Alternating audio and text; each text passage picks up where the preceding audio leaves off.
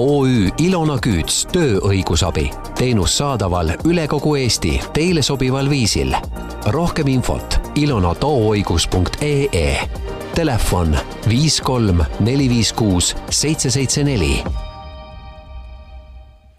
tere, täna oleme saates selliste teemadega nagu tööõigusküsimused ja meil on pikaaegne töövaidluskomisjoni juhataja täna saates esinemas. ta on Ilona Küüts, kes on siis endanimelise Ilona Küüts tööõigusabi OÜ asutaja ja juht. mina olen saatejuht Juuli Nemvalts. kui me nüüd rääg-, tere, Ilona! me oleme situatsioonis, kus ühest küljest on ettevõtetel tulnud vastu võtta keerulisi ja raskeid otsuseid ning koondada inimesi isegi päevapealt või vähendada töötajate palkasid ja teisalt töötajad on saanud šokiosaliseks, sest nende senine turvaline, turvaliselt tundunud töökoht on kas kadunud või, või on siis tõesti see töötasu drastiliselt langenud et kui palju te näete, Ilona, et praegult on sellist äh, nagu toorest rabistamist ja töölepinguid lõpetatakse võib-olla mitte nii korrektselt?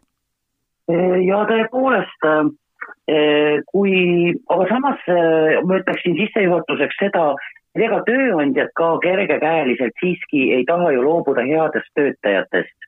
on vaja neid ju uuesti välja õpetada ja nii edasi. ja töötajatel loomulikult võib olla šokk sellest, et äh, töö võib päevapealt otsa lõppeda ja kui tööandja ei näe võimalust töö taastumiseks mõne aja pärast, ütleme kahe, kolme, nelja kuu pärast, siis tulebki läbi viia ju koondamine. ja koondamisel ju võib ka juhtuda niimoodi, et äh, noh, eks tööandja esindajad on ka inimesed oma emotsioonidega, võib ju niimoodi juhtuda et äh, soovitakse sellistest inimestest äh, lahti saada, kellega nii-öelda ülemustel on probleeme olnud, aga õnneks on siin siiski olemas äh, seadus, mille nõudeid tuleb täita ja alati on võimalik töö, töötajal ju vaidlustada oma töölepingu ülesütlemine, olgu see siis koondamisega, katseaja mitterahuldava tulemusega või mis iganes alusel ja see ei kehti mitte ainult kriisi ajal, vaid see on igapäevases tööõiguses niimoodi. Ilona, kas võib praegult öelda, et äh, tänasel päeval kriisisituatsioonis, katseajaga on väga lihtne töölepingut lõpetada, kui katseaeg lõpeb ja ja inimene minema saata? no katseajaga on ju niimoodi, et äh, seadus ütleb selgelt ja kui ma nüüd seadust nimetan, siis ma pean alati silmas töölepingu seadust. ja kui ma räägin mõnest teisest seadusest, siis ma ütlen selle nime eraldi välja. aga töölepingu seadus siis ütleb ju niimoodi, et ega katseajal eh, või pärast katseaja lõppemist eh, töölepingu ülesütlemine võib toimuda ikkagi ju nii, et ta ei oleks vastuolus katseaja eesmärgiga. aga silmas tuleb pidada seda, et katseaja tulemusi hindab ju tööandja ja milliseid tulemusi ta hindab, ta hindab ju seda, kas töötajal on olemas vastav tervis, teadmised, oskused, võimed või isikuomadused antud töö tegemiseks nõutaval tasemel. aga samamoodi võib siis töötaja, nagu juba öeldud oli, kui ta leiab, et põhjus ei ole nii-öelda seadusest tulenev või on ebaõiglane, võib töötaja ju samamoodi selle töövaidlusorganis, olgu ta siis töövaidluskomisjon või kohus, vaidlustada ja siis peab tööandja juba välja tooma need objektiivsed põhjused, miks ta töölepingu üles ütles. ja tagajärg on ju selline, et kui töövaidlusorgan tuvastab, et tööandjal siiski puudus seadusest tulenev alus töölepingu katseajal ülesütlemiseks, e, siis e, tuvastatakse, et töölepingu ülesütlemine on tühine ja peaks siis pärast seda taastuma endine õiguslik olukord ehk tööleping läheks edasi, aga praktikas kahjuks, e, aga, aga praktikas on ju ikkagi niimoodi, et ei töötaja ega tööandja ei taha enam koostööd teha sellest piisab, kui üks või teine pool siis töövaidlusorganis taotleb, et töövaidluskomisjon või kohus ise lõpetaks selle töölepingu ja tööandja siis peaks maksma eh, hüvitist töölepingu seaduse vastase ülesütlemise eest, mis on meil ju kolmkümmend, tähendab kolme kuu eh, keskmine töötasu. noh, ta võib olla olenevalt asjaoludest kas rohkem või vähem, aga noh, arvestada tuleks kolme kuu töötasuga. ja mida ma nüüd katseaja puhul veel välja tooksin Äh, noh, võib-olla tööandjad teavad seda rohkem, aga töötajad tihti tundub, et ei teagi, et katse ajal võib töötaja ka ise hinnata, kas antud töö, millele ta asus, on ikka temale sobiv. võib-olla ta ei ole kas füüsiliselt või siis psühholoogiliselt valmis seda tööd tegema. Äh, mis tähendab ju siis seda, et kui töötajale see töö ei sobi, ta võib ka ise katse ajal viieteist kalendripäevase etteteatamisega Äh, oma töölepingu katse ajal üles öelda, aga vot oluline on see, et Tööinspektsiooni seisukoht on nüüd ka selline, et kui töötaja tahab äh, lühema ajaga oma töölepingu üles öelda, mida siis katseaeg võimaldab mhm. viieteist mm -hmm. päevaga, siis ta peaks ülesütlemisavaldus, mis niikuinii on kirjalik mm, -hmm. peaks siis näitama, et just nimelt katse ajal ta ütleb töölepingu üles. muid põhjusi ta seal näitama ei pea sest kui ta seda katseaja sõna sinna sisse ei äh, kirjuta, siis tööandja võib arvata, et tegemist on tavalise selle niinimetatud omal soovil töölepingu ülesütlemisega ja seal kehtib ju juba kolmekümne kalendripäevane ülesütlemistähtaeg. ahah, seda on küll väga hea teada. Aga millele siis peaks töölepingus alati tähelepanu pöörama? töölepinguga on siis lood niimoodi, et eks sellele eelnevad ju suulised äh, lepingueelsed läbirääkimised ja siis tuleb tööleping vormistada kirjalikult. ja nii töövaidluskomisjoni praktikast kui ka nüüd oma firma praktikast on näha, et, et need äh, nii-öelda probleempunktid äh, seisnevad selles, et mõlemad pooled ei saa selgelt ja aru nendest töölepingu tingimustest näiteks töötasu puhul on see eriti silmatorkav mm. -hmm. näiteks äh, on täiesti tavaline, et, et tööandja siis vormistab töölepingu, kus on näidatud, et näiteks kuu töötasu on, on äh, noh, näiteks seitsesada eurot ja tööandja maksab töötajale tulemustasu. punkt. Aga millist tulemustasu mm? -hmm. millistel tingimustel, millised tulemused ta peab saavutama? kuidas arvutatakse see tulemustasu? et töötaja peaks saama ju ise ka kontrollida oma tulemustasu arvutamise õigsust. on ju oluline vahe, kas tööandja maksab kümme eurot talle kuus tulemustasu või näiteks viissada eurot. mõlemal juhul on täidetud tingimus, et tööandja maksab tulemustasu. No tulemustasu maksmine on alati ju kokkuleppe küsimus. no arvata võib, noh, head tööandjad ehk siis ütleme sellised, kes tahavad tõesti neid töölepingu tingimusi selgelt ja arusaadavalt töötajale esitada, ju näitavad ka tingimused, et äh, ei ole pretensioone tööle, ei ole praaki toodetud äh,, on mingisugune norm täidetud näiteks, et tööandja võib ju oma tööaega normeerida ka. et see on ju ka oluline, et, et näiteks pagari puhul, äh, kas ta teeb siis tunnis äh, viiskümmend saiakest või ta teeb näiteks viisteist saiakest et ei ole ju mõtet mõlemale maksta ühtemoodi, teine võiks ju saada siis ka tulemustasu, miks mitte. ja ka katse ajal äh, on töötasuga probleeme. ja nimelt ei ole haruldane, kui töölepingus on kirjas, et katse ajal töötaja töötab siis nagu miinimumtöötasuga, mis momendil on siis teatavasti Vabariigi Valitsuse määrusega viissada kaheksakümmend neli eurot kuus see on nüüd täistööajaga töötamisel, eks ole mm. -hmm. ja töötasu tõstetakse pärast katseaja lõppemist. väga tore ja ausalt öeldes on ju üsna mõistlik, et äh, katseajal, kui töösooritus ei pruugi nii kvaliteetne olla, äh, on töötasu väiksem, võib-olla suur osa sellest katseajast läheb üleüldse väljaõppimisele, keegi teine heade töönäitajatega isik, kes välja õpetab, on jälle oma tööst eemal et see võib olla arukas ja mõistlik, aga mis siin on viga, on see, et töötasu tõstmise puhul ei näidata, kui palju siis tõstetakse.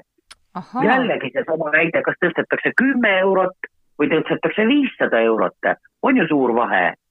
Et -hmm. siis võiks näidata kas konkreetse summa juba või ütleme, tunnitasu suurendamine või siis näiteks äh, tükitasu, et tükihind on suurem, igal juhul on töötajal kindlam tunne, äh, kui on näidatud, kui suureks see töötasu siis pärast katseaega läheb nii-öelda.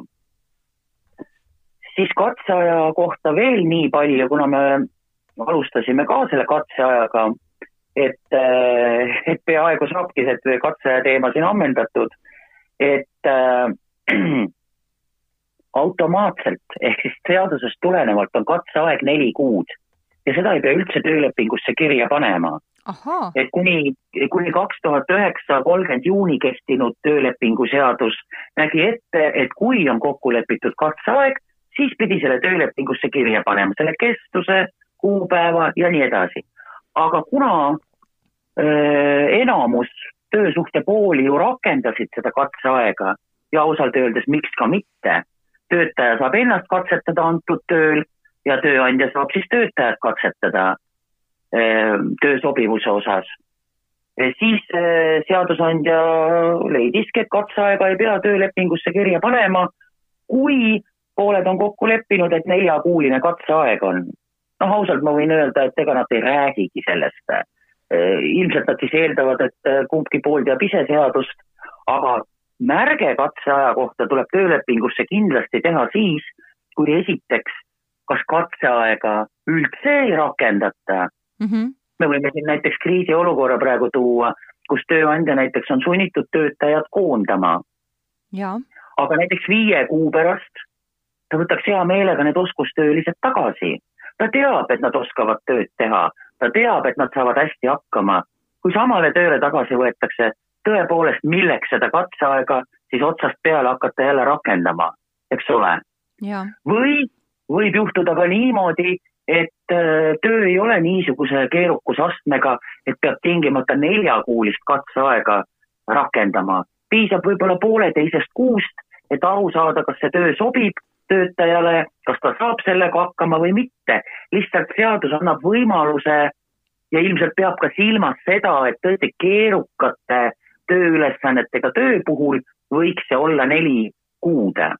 ja vot siis tuleb kirja panna töölepingusse näiteks et katseaeg on, ütleme, üks koma viis kuud ja katseaeg lõpeb mingil konkreetsel kuupäeval, noh näiteks seal viisteist juuli kaks tuhat kakskümmend.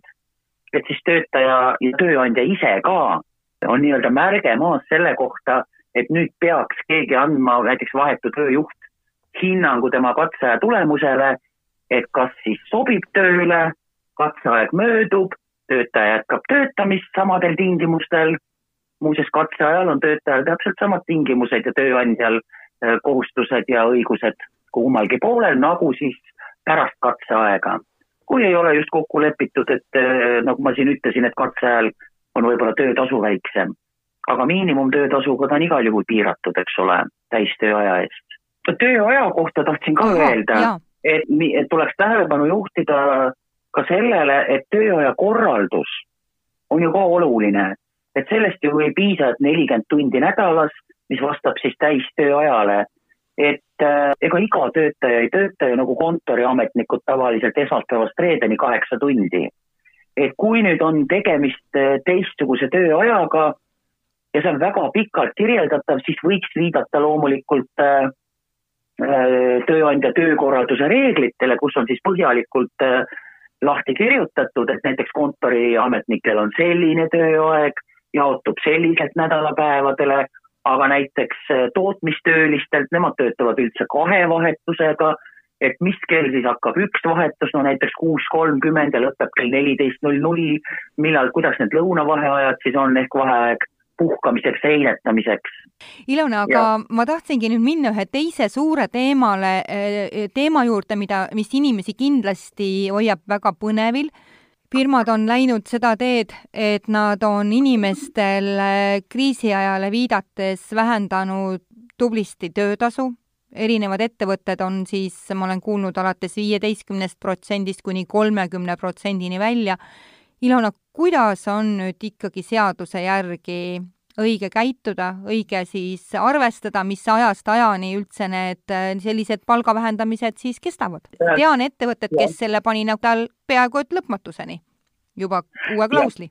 ahah, räägin nüüd äh, kriisiaja väliselt käib siis töölepingu seaduse paragrahvist kolmkümmend seitse, mis tõepoolest lubab tööandjal vähendada äh, töötasu juhul, kui temale ettenägematult ja temast sõltumata äh, tekib selline majanduslik olukord, et tal ei ole võimalik töötasu maksta nii nagu seni. ja sellisel juhul on temal õigus vähendada töötasu, ta peab sellest ikkagi töötajale äh, või töötajate esindajale neliteist kalendripäeva ette teatama ja näitama siis ka ära, mis kuupäevast kuupäevani see kehtib, aga seadus lubab kaheteist kuu jooksul seda teha kolmeks kuuks. pärast seda peaks töömaht ja töötasu nii-öelda siis äh, taastuma. kui ta ei taastu, see on muidugi eraldi teema, aga ta on piiratud töötasu vähendamisega mitte alla kehtiva miinimumtöötasu. Äh, see tähendab siis seda, et protsente ei ole seal kirjas, nagu te, nagu te siin alguses ütlesite, te ilmselt pidasite silmas vähendamise protsenti ja, just nimelt, eks ole, kriisi ajal, et seal võib juhtuda, et see läheb üleüldse nulli, eks ole. Aga sellest, selle, selleni ma kohe jõuan. et äh, tähtis on see, et miinimumtöötasu vähemalt makstakse, aga muidugi jutt on täistööajast, eks ole mm. -hmm. seega, kui töötajal on väiksem töötasu, näiteks seitsesada eurot mm, -hmm. ega tööandja ei saagi äh, väga palju tal seda töötasu vähendada, sest miinimumtöötasu tuleb juba ette, eks ole.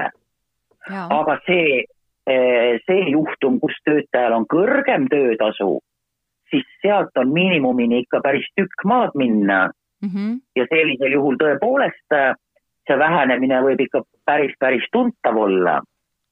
ja kui see kolm kuud on läbi, ega tööandja ei pea tegema tingimata kolmeks kuuks ta võib ka tavaolukorras teha niimoodi, et kaks kuud teeb, töömaht taastub ja näiteks kümnendal kuul teeb uuesti ühe kuu.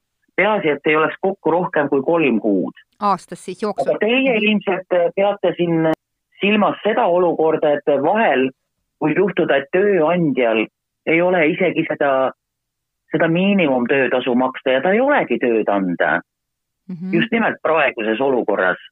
ja vot siin tulebki siis appi nii-öelda riik oma selle kriisiabimeetmetega, et seal teatud tingimustel, et nendest on ka palju räägitud, et noh, kolmkümmend protsenti ja nagu te siin juba hakkasite nimetama, et ma neid eraldi siin praegu välja ei tooks, et ei ole tööd, ei ole võimalik töötasu maksta ja töötajad jäävadki koju ja riik maksab neile siis, aga praegu ei ole ta rohkem kui kaks kuud mm -hmm. tingimusel, et tööandja ikka esitab Töötukassale vastava avalduse, eks ole. ja maksabki töötajatele riik otse nende pangakontole, ma ei tea, ilmselt tööandjat siis ei usaldata mm, -hmm. et tööandja kaudu maksta seitsekümmend protsenti nende senisest keskmisest töötasust, aga piir on siis tuhat eurot kuus mm. -hmm. ja tööandja peab omalt poolt maksma sada viiskümmend eurot kuus mul ongi et, nüüd, äh, Ilona, selline seda, küsimus, et osad jah. ettevõtted on läinud või teinud sellist asja oma inimestega, et näiteks toome näite, et kahekümne viiendal märtsil anti teada, et me vähendasime teie palka alates esimesest märtsist. kas see on korrektne? Et tagantjärgi, et inimesel ei olegi enam seda, et ei tehta nagu ettepanekut, eks, et me vähendame ja inimesel on võimalik siis pretensioon esitada, et see ei sobi mulle ja läheb ära, eks no nagu ma siin äh, just ütlesin, et tegelikult peab tööandja ette teatama neliteist kalendripäeva. see töötasu vähendamine on tööandja otsus, ega tal selleks iseenesest ju töötaja nõusolekut vaja ei ole, et ta teatud grupil isikutel vähendab äh, töötasu. aga seal taga peab olema ikkagi töötaja, konkreetne töötaja, kes on valmis sellise vähendatud töötasuga tööle asuma, ega teda sundida ju ei saa järelikult, kui töötaja enda jaoks mõtleb läbi, et ta ei soovi selle vähendatud töötasuga tööle asuda, siis sellisel juhul on temal õigus esitada sellesama kolmekümne seitsmenda paragrahvi lõige viis alusel tööandjale ülesütlemisavaldus ja hüvitised on äh, samad praktiliselt kui koondamisel. ehk siis tööandja maksab ühe kuu hüvitise ja Töötukassast, eks ole, pika staažiga on võimalik saada veel ühe kuu hüvitis ja üle kümneaastase staažiga siis juba kahe kuu hüvitis. sest et ikkagi peab ju neliteist kalendripäeva ette teatama. töötaja, vot põhimõte on ju selles, et töötaja peab alati teadma, millistel tingimustel ta töötab. Millise töötasuga ta töötab. kui töötaja näiteks terve aprillikuu töötab, nii et tööandja talle mitte millegist äh, muudatusest teatanud ei ole, siis selge, et ta töötab töölepingus kokku lepitud alalistel tingimustel, eks ole. ja pärast öelda, kui töö on juba tehtud, et teate, tegelikult mm, -hmm. tegelikult äh, ma hoopis vähendan sul tagantjärele, et see kindlasti ei ole seaduslik ja töötajal tekib siis õigus nõuda äh, näiteks näite puhul aprillikuu töötasu töölepingus kokku lepitud määras mm. -hmm Ilona, aga kui nüüd tööandja vähendab praeguses kriisiolukorras töötasu, kas ta saab töötajalt nõuda samas endises mahus töö tegemist või automaatselt on siis ka, no ütleme kui, kui kolmkümmend protsenti on palka vähendatud, et siis ka läheb kolmandik tööd vähemaks? just nimelt selle kolmekümne seitsmenda paragrahvi mõte ehk seaduse mõte seisnebki selles, et kui tööandja vähendab töötasu, siis samas mahus on õigus töötajal ka vähem töötada. ega tavaliselt tööandja selles teates ju ei näita, et äh, töötasu või töömaht on ka vähenenud samas määras. ja selle küsimusega tõepoolest on töötajad päris palju pöördunud. Aga küsimus on nüüd kokkuleppes, töötaja ja tööandja peaksid kokku leppima, eriti nüüd kriisi ajal ja ka igapäevases tööelus, võiksid nad üldse rohkem äh, Äh, teineteisega suhelda ja, ja kokkuleppeid sõlmida, kui on mingi eriolukord. Äh, nimelt äh, ega siis töötaja ei saa ju suvalisel ajal näiteks viiekümne protsendiga tööl käia, viiekümne protsendilise mahuga endisest tööajast.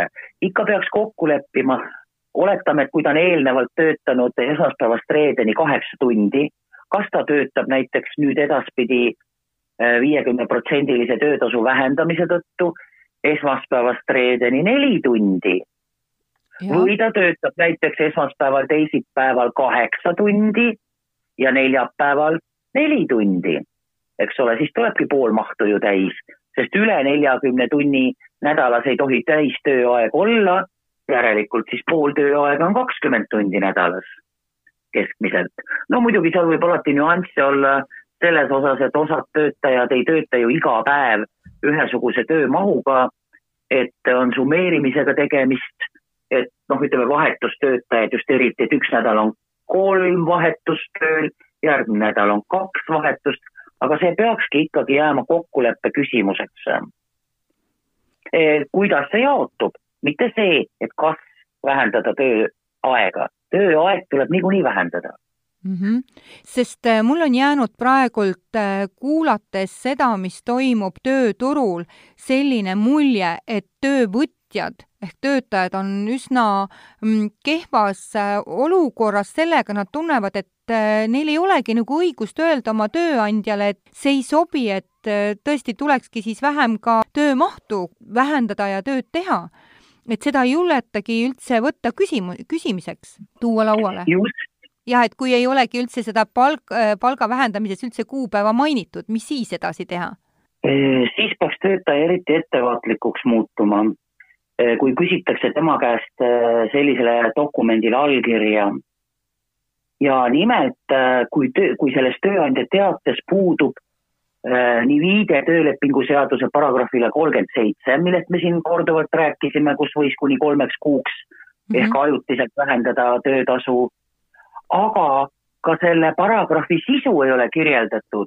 Ja nimelt, et see töötasu vähendamine tuleneb siis äh, tööandjast mitte olenevatel äh, asjaoludel, mida ta ei saanud ette näha ja puudub ka kestus, kui kaua see töötasu äh, vähendamine siis nii-öelda päevakorral on, siis tegelikult võib seda käsitleda ka poolte kokkuleppena alaliselt töötasu vähendada ega see ei ole ju keelatud, et töölepingu seadus võimaldab ju algselt kokku lepitud töölepingu tingimusi vähen-, tähendab muuta nii tööaega, nii töötasu. Ainukene, millega tööandja siis äh, on piiratud, on ju seesama miinimumtöötasu, äh, et ta ei saa täis tööaja eest siis maksta vähem kui kehtiv töötasu alammäär. aga iseenesest ei ole mitte midagi ebaseaduslikku selles, äh, või tähendab muutmise mõttes ei ole ju ebaseaduslik, kui tööandja maksab näiteks senise täistööaja eest väiksemat töötasu. Muidugi, kui tööandja sel, sellele dokumendile allkirja on saanud. siis ei ole enam midagi teha. ei, räägi, räägime kõigepealt sellest juhtumist, kui ta ei ole veel allkirja saanud. tööandja mm -hmm. dokumendi töötaja hammustab siis läbi, et see võib olla alaline, siis mina soovitaks tööandjale saata kirja teatada, et ta ei ole nõus oma töötasu alalise vähendamisega, sest muud ju dokumendist välja ei tule, eks ole mm. -hmm. Ja juhul, kui tööandja pidas ja sinna veel täpsustada, et juhul, kui tööandja pidas silmas siiski ajutist töötasu vähendamist, et siis esitada uus teade, milles on näidatud selle töötasu vähendamise periood. aga miks mitte ka seaduslik alus selle vähendamiseks. kui tööandja viitab vähemalt sellele kolmekümne seitsmendale paragrahvile siis ükskõik, mida ta sinna kirja paneb, peaasi, et tal oleks kuupäev viide sellele paragrahvile, eks ole mm. -hmm. muidugi ta peaks põhjendama ikkagi ka, miks ta seda teeb, sellepärast et noh, töötaja ju kas tuleb tööandjale vastu või ta ei tule tööandjale vastu, kas tal on usku sellesse, et töö ikkagi taastub või, või tal ei ole selleks usku. aga samas äh, üks päästerõngas siiski on ka olemas, et mm -hmm ega iga töötaja ju sellisele dokumendile vast alla ei kirjuta. Ja nii töölepingu seaduses kui ka eraldi on olemas võrdse kohtlemise seadus, mis ütleb, et üks võrdse kohtlemise põhimõtteid on sama töö eest sama töötasu saamine. et ei saa ju niimoodi olla, et on näiteks viis sarnase töö tegijat, millest neli saavad näiteks seal kaheksasada eurot ja üks saab siis miinimumtöötasu. Et siis tasub igal juhul sellega katsetada. aga selle õiguse maksma panemisega, kui tööandja ise vabatahtlikult äh, ikkagi ei taasta neid äh, töötasu tingimusi, mis algselt oli, sellega mm -hmm. võib ikka muidugi kaua aega minna. ikka kuid ja kuid aga ütleme, et mis, et ega vist seaduslikku alust enam ju palga tagasimuutmiseks ei olegi töövõtjal, kui ta on kirjutanud alla selle palga vähendamisele, millel ei ole viidet sellel paragrahv kolmekümne seitsmele, seal ei ole kirjutatud kuupäeva, mis ajani see palga vähendamine siis toimub, siis nii ongi, eks, Ilona? sain ma niimoodi õieti aru? Äh, sellega on nüüd nii ja naa, et nagu ma ütlesin, et põhimõtteliselt ei ole keelatud ükskõik kui kvalifitseeritud, ükskõik kui keerulise töö eest maksta miinimumtöötasu mm. -hmm. ainult võib-olla riigiametites on need palgakahvlid, et, et äh, kus on nagu seadusega või, või ütleme, valitsuse määrustega või, või ministri määrustega seal paika pandud, missuguses ulatuses, millises vahemikus peab olema töötasu selle ametikoha täitjale aga ütleme, erasektoris ei ole ju, välja arvatud muidugi need töötajad, eh, kelle osas on sõlmitud need sektoripõhised kollektiivlepingud, mm -hmm. näiteks nagu transporditöötajad mm. -hmm. et nendel on, eks ole, üleriigiline eh, üldtöö kokkulepe, kus on näiteks öeldud, et eh, bussijuhtidel ei tohi siis täistööaja eest see töötasu olla alla teatud summa, mis on muidugi kõrgem kui töötasu alammäär aga kui selliseid äh, kokkuleppeid ei ole, ega siis lepitaksegi kokku ainult töölepingus, mida võib ka muuta, aga mina siiski äh, viitaksin ka sellele võrdsele kohtlemisele mm. -hmm. nii et äh, ma ütleksin pigem nii, et selle võrdse kohtlemise kaudu selliste tingimuste taastamine, see on katsetamist väärt mm. -hmm ja teisalt ütlevad jälle töötajad, et äh, kui ma ei nõustu sellega, siis lõpetatakse minuga tööleping. et eks nad ongi praegu sellises suhteliselt patiseisus. aga lõpetatakse millisel alusel, kas nad on viidanud siis koondamisele? vist küll, et jah. kui koondamine, siis niikuinii, kui töötaja ei ole nõus äh, töötasu vähendamisega mm, -hmm. ütleme selle kolmekümne seitsmenda paragrahvi raames mm, -hmm. siis niikuinii tööandja ei saa talle senises mahus tööd anda ja see ongi koondamise tunnus ju. ja, aga kui töö Kuigi on samas kord... mahus ikka veel edasi, näiteks on sektorid, kus ei ole mitte midagi ju tööd vähemaks läinud, tähendab osadel äh, töötajatel, aga ikkagi kõikidel võeti palka vähemaks ja, ja nii on ja kui ei sobi, siis tuleb ära minna. teate, mina ikkagi ütlen niimoodi, et äh, tegutsema peaks asuma see, kellel king pigistab mm. -hmm, et ikkagi kui töö, töötajad kui mhm. töötaja leiab, et ta ei ole sellega nõus, et ta ei eh, ole nõus töötasu vähendamisega ei alaliselt ega ajutiselt isegi, siis tähendab, peaks ta sellest tööandjale teada andma ja siis saab tööandja ka otsustada, kas ta koondab ta või töötaja ütleb ise selle töölepingu üles, eks ole. aga hüvitised on ju sarnased nagu koondamisel.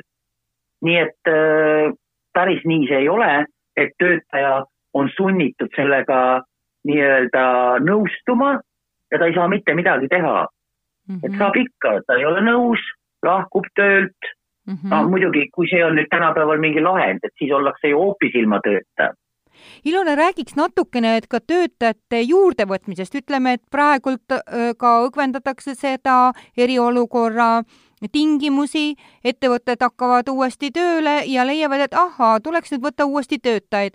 vanasti oli selline nõue, et ikkagi tuleb koondatutele pakkuda uuesti tööd. kui palju see praegult üldse peab, selline nõue? ma viitasin juba kehtivuse kaotanud töölepingu seadusele.